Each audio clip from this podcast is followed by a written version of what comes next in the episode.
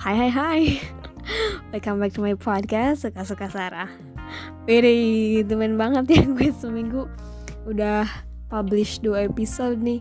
Biasanya setelah ini menghilang Sebulan atau dua bulan.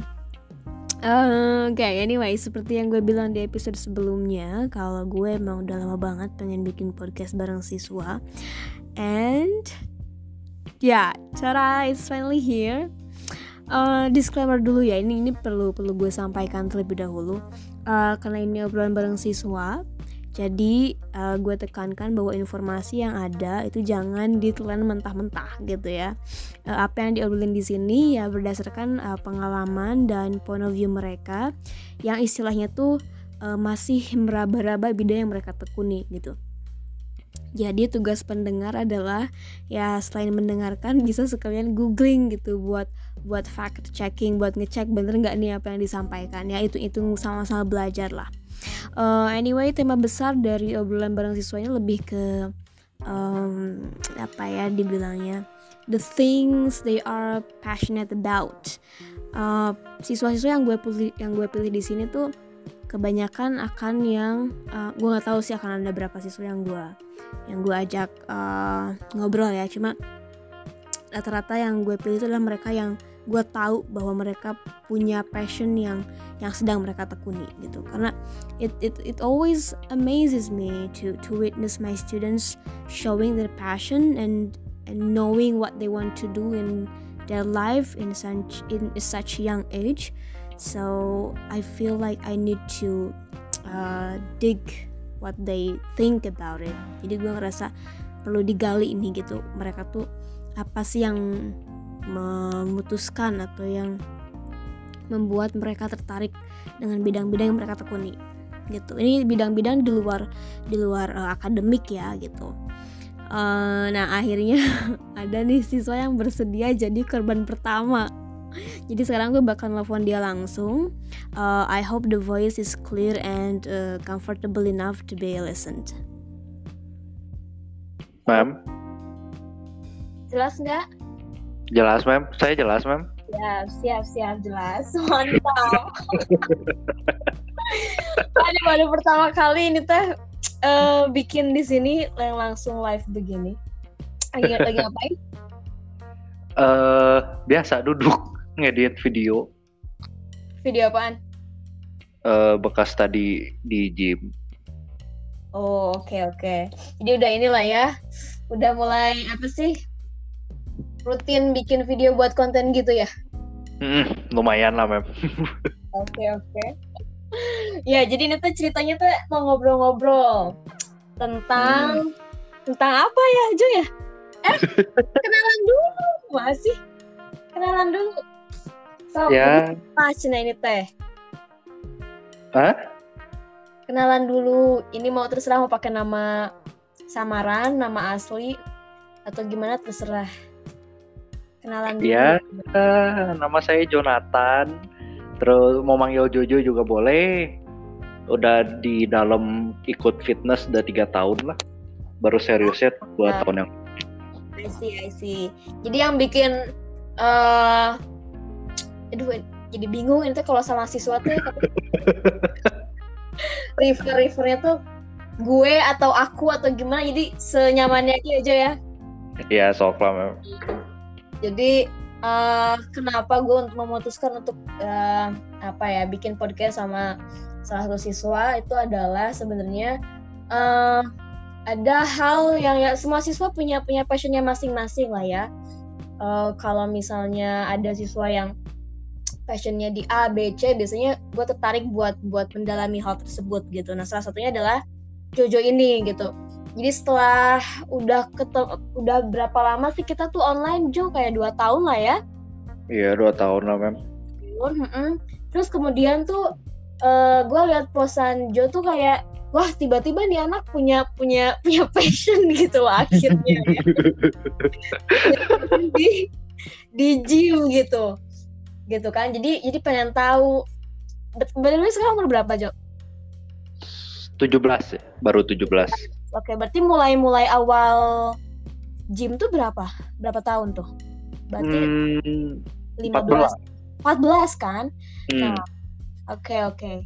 Apa sih yang bikin eh kamu mulai oke aku pengen deh gitu mendalami ini tuh apa yang menjadi inspirasi pertama? eh saya orang tua kan si papa bodybuilding dulu, si mama juga ikut gym. Udah gitu nyusul si Koko diajak. Dari awal tuh saya memang pengen punya kayak badan bodybuilder atau seperti kayak gituan. Terus dari dulu dari kecil itu kadang kalau tiduran suka ambil guling, terus cobain bench press. Biasanya suka iseng-iseng gitu. Hah? Oh, dari Iya. kecil. Oke. Hmm, tapi cuma iseng doang. Uh, uh, uh. Terus diajaklah sama si papa nge-gym ten- eh, jam eh, jam umur 14. Di situ saya baru kenalnya namanya calisthenic. Eh, cuman pakai beban berat badan doang.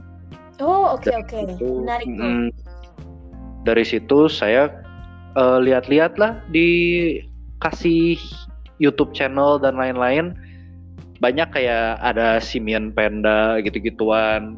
Awalnya dari situ saya belum tertarik sama be- beban, terus tahu-tahu dikasih latihannya pakai beban sama si papa. Dari situ saya eh, mulai ngeliatin soal latihan beban dan ketemulah kayak Chris Bumstead, terus eh eh, siapa sih Brandon Hendrickson, Brandon Harding gitu-gituan. Dari situ saya jadi pengen oh ya itu saya pengen kayak gitu masuk panggung gitu-gituan. Oh, oke oke. Jadi memang udah ada apa ya istilahnya? Encourage juga dari orang tua ya. Mm-mm, ada. Ya, itu sih sebenarnya yang penting ya. Jadi buat sebenarnya yang penting untuk uh, bisa apa ya, istilahnya memaksimalkan pencapaian si anak itu memang paling pertama tuh utama tuh emang support orang tua ya. Jadi ketika Iya. anak suka sesuatu eh emang seharusnya didukung gitu. Asalkan memang itu hal yang baik. Ini hal yang baik banget kan Jo, bukan cuma kalau belajar lagi juga tapi juga ya ini buat kesehatan juga kan pada jangka waktu panjangnya gitu. Apalagi masih Iya. muda. Hmm, Oke. Nah, Cuman- pas awal-awal, mhm. pas awal-awal eh, mulai terjun lah ke dunia apa ya disebutnya apa sih ini physical training atau gimana sih ada ada term khusus nggak? Kalau cara saya berarti lebih ke bodybuilding. Nah, bodybuilding. Nah, kan umur Hmm. pasti 14 tuh kan, masih muda banget tuh. Ya. Apa yang pertama kali harus di apa ya, harus dilakukan? Apakah misalnya langsung kalau Jo kan kalau Jo kan punya privilege karena orang tuanya berpengalaman di bodybuilding kan. Nah, kalau Mhm. buat kita-kita yang baru mau terjun ke situ gitu, apa yang mesti dilakukan pertama kali? Hmm, ini ngomongin kalau yang udah punya membership gym ya, udah pengen masuk gym. Eh, Say let's say misalnya baru tertarik gitu. Oke lah, ke gym misalnya baru-baru mau, heeh. Gimana tuh? hmm. Eh, pertama ya eh, lihat-lihat dulu dari dulu dari YouTube. Soalnya kadang biasa orang-orang kalau masuk langsung ngelakuin gitu cedera atau enggak gimana-gimana. Terus hmm, kalau udah masuk gym jangan takut buat nanya-nanya ke orang-orang. Nah, itu Soalnya tuh. biasanya ya biasanya orang-orang yang paling gede yang pa- yang kelihatannya paling serem itu ternyata paling baik paling pengen Hmm. sharing gitu-gituan Iya, jadi jangan takut. Bener, jangan Karena di- ya. ya karena di kayak di dunia fitness itu memang memang banyak yang arogan gitu-gituan tapi banyak juga yang baik yang pengen nasihatin gitu-gituan I see, I see. Ya, intinya jangan malu bertanya lah ya, biar nggak sesat di jalan gitu. Apalagi ini iya kan hubungannya sama kesehatan badan, kalau salah ya cedera gitu kan. hmm iya I see. Nah, Iya. setelah tahu gitu, untuk menentukan apa ya istilahnya, program yang baik, kayaknya ya, itu juga Hmm, harus ini ya, harus nggak bisa apa ya istilahnya kan suka ada tuh orang yang otodidak tahu kan? Oh ya yang bisa nggak sih kalau kita tuh ingin ingin ingin olahraga ya misalnya uh, bodybuilding gitu terus otodidak Hmm. gitu? Bisa nggak sih Jadi- sebenarnya? intinya ngelakuin sendiri lah ya bikin program sendiri. Betul betul Eh, bisa saya saya udah setahun gitu bikin program sendiri jadi eh, yang saya lakuin itu nggak nggak terlalu fokus ke misalnya gerakan ini gerakan Mm-mm. itu tapi saya fokusinnya ke bagaimana uh, certain muscle itu bergerak.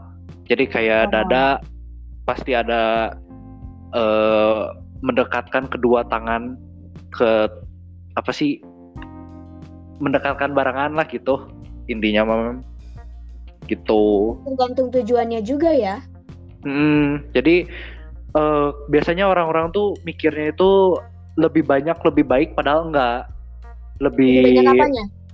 misalnya lebih banyak gerakannya gitu. Wah. Padahal emang emang bener at some point memang bener tapi juga jangan terlalu pusingin soal gerakan. Always stick to the basic. Soalnya basic itu yang emang paling menurut saya emang paling efektif gitu. Oke, basic seperti apa tuh maksudnya? bisa kalau kita ngomongin chest ada Hmm. incline dumbbell press, ada dumbbell bench press, terus ada barbell press gitu-gituan. Jadi nggak perlu kayak ini di diubah jadi gimana itu nggak usah. Hmm, jadi basicnya dulu ya, mesti tahu gitu. Hmm. Iya, soalnya Oke. Kalau kita lihat cara latihannya orang-orang yang masuk Olimpiade kayak Chris Bumstead, Brandon Hendrickson gitu-gituan, mereka pasti stick to the basics kayak Hmm, bench press gitu-gituan. Oke oke. Mungkin ada beberapa orang yang kayaknya kurang-kurang paham sama apa ya terminologi gym ada nggak bahasa yang lebih lebih gampang dimengerti buat orang-orang awam. Jadi gerakan apa sih yang masuk dimaksud dengan basic gitu? Mungkin orang-orang kan pahamnya kayak sit up, push up gitu-gitu doang kan? Kayaknya buat Hmm, hmm. Jadi seperti apa sih gitu? Gerakan apa? basicnya itu misalnya ngomongin chest kalau chest fokusnya ke pushing up sama Ah, bring your arms closer together ah, itu. Nya itu I see, kalau misalnya kaki kaki itu leg kayak extending the leg jadi Hmm. kayak apa ya dia ngerti lah ya extending the leg Gua mah ngerti nggak tahu yang ngedengerin. eh kok nggak gini deh kita ambil latihan tangan deh Hmm, contohnya. latihan bicep latihan bicep lah Hmm, hmm, hmm. kita ada yang namanya shoulder elbow flexion ya yang saya tahu itu tuh Hmm. intinya naikin beban ke atas tapi nggak pakai nggak sampai semu setanganan dinaikin gitu cuman kayak Ah, elbownya yang gerak naik turun gitu siap siap. Nah itu kan lebih paham ya, karena Hmm. nggak semua orang mungkin baru udah tahu tentang term-term gym kan. Dia yang kayak aku juga masih awam sebenarnya. Kayak jadi lebih ke Hmm. hal-hal basic, cuma mungkin konsisten ya yang perlu ya. Niat Ya. yang kuat untuk konsisten gitu. Iya. Ada yang susah buat buat orang-orang. yang- Maksudnya gue juga kalau misalnya olahraga kayak misalnya sehari dua sehari dua hari oke rajin kesannya dua minggu malas gitu kan itu sebenarnya Iya. Iya, kendala gitu. iya. Permasalahannya di situ. Kadang ada juga orang yang saking gak sabarnya mereka malah ngambil yang bagian bahayanya yaitu kayak nyuntik gitu-gituan. Ah, itu itu itu. Padahal in their natural way time-nya juga mereka bisa mungkin mereka bisa eh, bertumbuh dengan bagus tapi ya cuman takes time aja gitu. Iya iya iya. Dan dan sebenarnya lebih bahaya dan juga hasilnya kadang mungkin kurang ini ya. Ada selain bahaya buat kesehatannya juga kadang si hasilnya mungkin tidak bertahan lama atau gimana Jo? Kalau yang kayak suntik Eh, Kalau nyuntik yang saya pernah denger ya dari ada juga yang masuk olimpiade juga eh, dia dia nyuntik tapi dia benar-benar open soal itu. Mhm. Jadi sekali seka, pas sudah nyuntik itu dia harus ada cycle-nya. Terus kalau benar-benar Hmm. come off, kalau benar-benar come off itu saya belum tahu ya. Tapi ada juga yang saya stop steroid tapi saya masih tetap pakai suplemen ini buat penggantinya gitu. Nah, Nah, ngomongin soal steroid, steroid itu sebenarnya buat apa sih tujuannya? Steroid itu kita bisa bilangnya PED ya, performance enhancing drugs. Oke. Jadi Oke. itu seperti title-nya performance enhancing. Jadi misalnya saya bisa bisa bench press buat 10 kali Mhm. tapi dengan beban 10 kilo. Bisa aja saya nyuntik dan bisa lebih dari itu gitu. Di situ Oke. jadi eh ya bisa ngangkat lebih berat gitu. Jadi ototnya bisa numbuh lebih banyak juga, lebih cepet. Oke, tapi apakah itu aman? Eh, steroid nggak ada yang aman, pasti selalu ada side effect-nya. Seperti? eh kalau yang parah itu kayak gynecomastia ya yang saya tahu itu tuh yang ada relasi dengan eh lower chest kita atau nipplesnya gitu ada masalah jadi harus operasi kadang Ah, Oh wow. Oke. ya, terus suka ada acne-nya kayak jerawat gitu banyak yang Hmm. keluar banyak pisan itu juga ada Ah, hormon ya, berarti mempengaruhi hormon juga ya. Hmm, cuman I'm not I'm not an expert in this jadi iya, iya. mungkin mungkin saya salah ngomongin mungkin ngomongin awal-awalnya aja kan gitu. iya Ngomongin di permukaannya seperti apa gitu, khususnya buat remaja sih sebenarnya.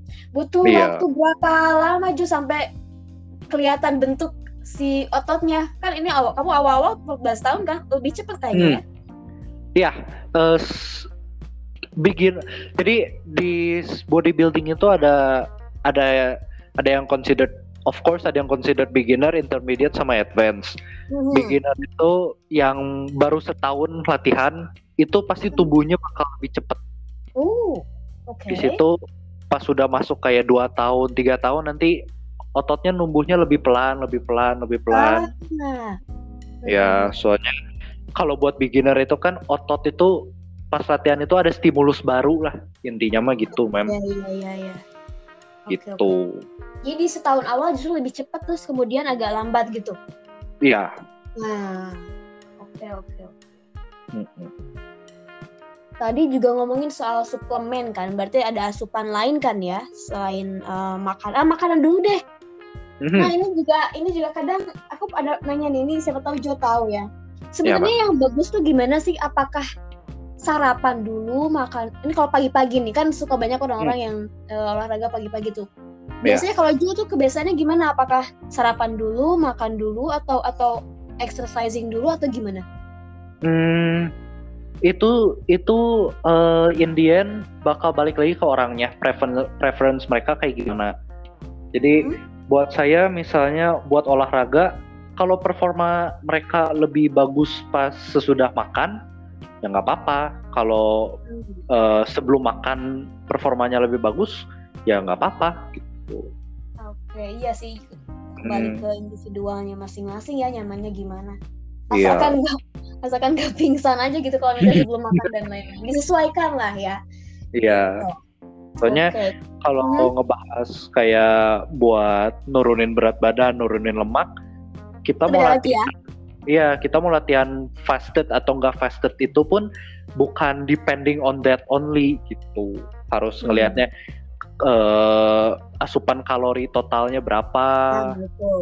Iya, Iya, jadi mesti diperhatiin juga tuh apa yang masuk dan apa yang dikeluarkan ya Mm-mm.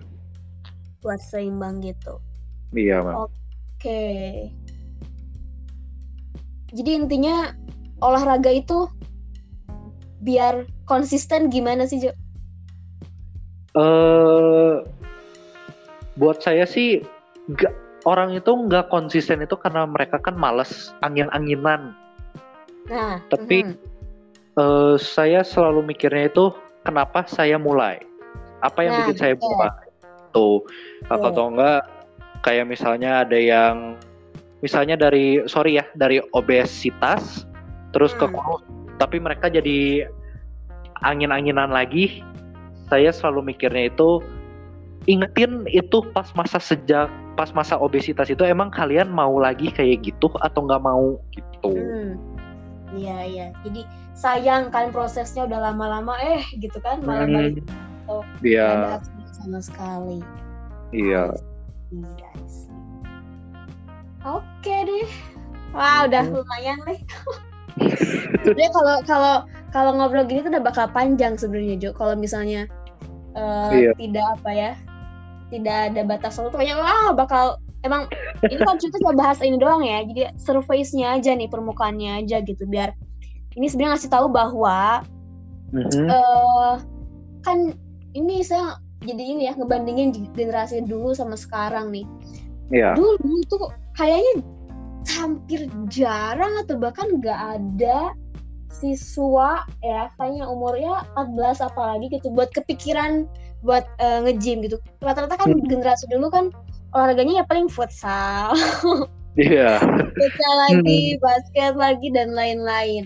Cuma kan Iya. sekarang dengan ya especially after pandemic ya, Iya, itu orang-orang saya rasa ya mulai aware nih bahwa olahraga sepenting itu dan bisa di eh, apa dilak- dilakukan di rumah gitu buat yang mereka dan ke gym juga mudah sebenarnya kan proses buat Mm-mm. kes- gitu jadi biar tahu Iya. bahwa remaja sekarang tuh banyak sih pilihannya. Dan sebenarnya salutnya adalah bahwa eh siswa sekarang tuh ya tahu apa yang ingin mereka enggak semua memang cuma ya salah satunya lu Jo gitu. Jadi tahu gitu oh pengen ini gitu. Dan sedini mungkin tuh baik sekali karena jadinya punya effort gitu ya Iya. buat selanjutnya seperti apa gitu Jo jadi Iya. terakhir deh eh, buat mereka mereka yang seumuran kamu yang pengen mulai apa Mhm. ya pengen mulai eh, intens buat olahraga pesannya apa Hmm, jangan buat kesalahan yang kebanyakan orang buat, yaitu baru masuk gym langsung gerakannya intens, intens, intens. Hmm. Eh, dalam beberapa bulan just start light, cuman paling eh, istilahnya mah meraba-raba mesin, meraba-raba dumbbell gitulah, cuman ambil feel-nya dulu, jangan sampai wah gue mau jadi semuanya dihabek dalam sehari, jangan. Mhm. Oke, Iya. oke. Terakhir deh ini juga aku penasaran. Eh, Mhm. Durasi yang baik buat olahraga tuh berapa menit atau berapa jam sih? Kalau saya itu kalau saya maksimal itu 90 menit ya. Ah, oke. Saya- Dalam satu sesi ya, dalam satu sesi Hmm. itu 90 menit. Oke. Tapi itu juga balik lagi dengan intensitas. Kalau Hmm.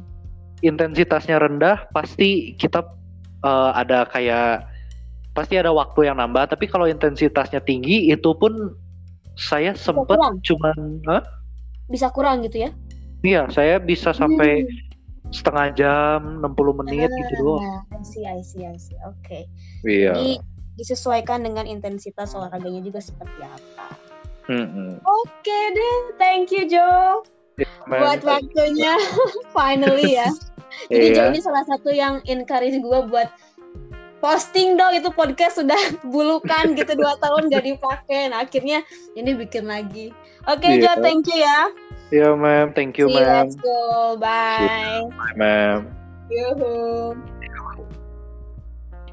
Nah, jadi begitulah ya interaksi gue sama siswa kalau di luar konteks kelas gitu berasa ngobrol sama teman aja walaupun agak bingung ya gue mesti ini bilang gue atau aku atau saya atau gimana gitu Eh, makanya gue di umur segini tuh masih terlihat muda ya atau orang-orang gitu ya karena circle-nya para muda-mudi yang rata-rata kelakuannya tuh bodor gitu tapi tapi fun dan seru juga dan selalu selalu selalu ada yang bisa kita ambil dari dari pengalaman mereka gitu ya Oke, jadi ya segitu aja. Eh, semoga menghibur dan bermanfaat. Terima kasih buat yang dengerin sampai akhir. Eh, gue harap siswa lain mau bergabung juga di episode selanjutnya. So yeah, see you on the next episode.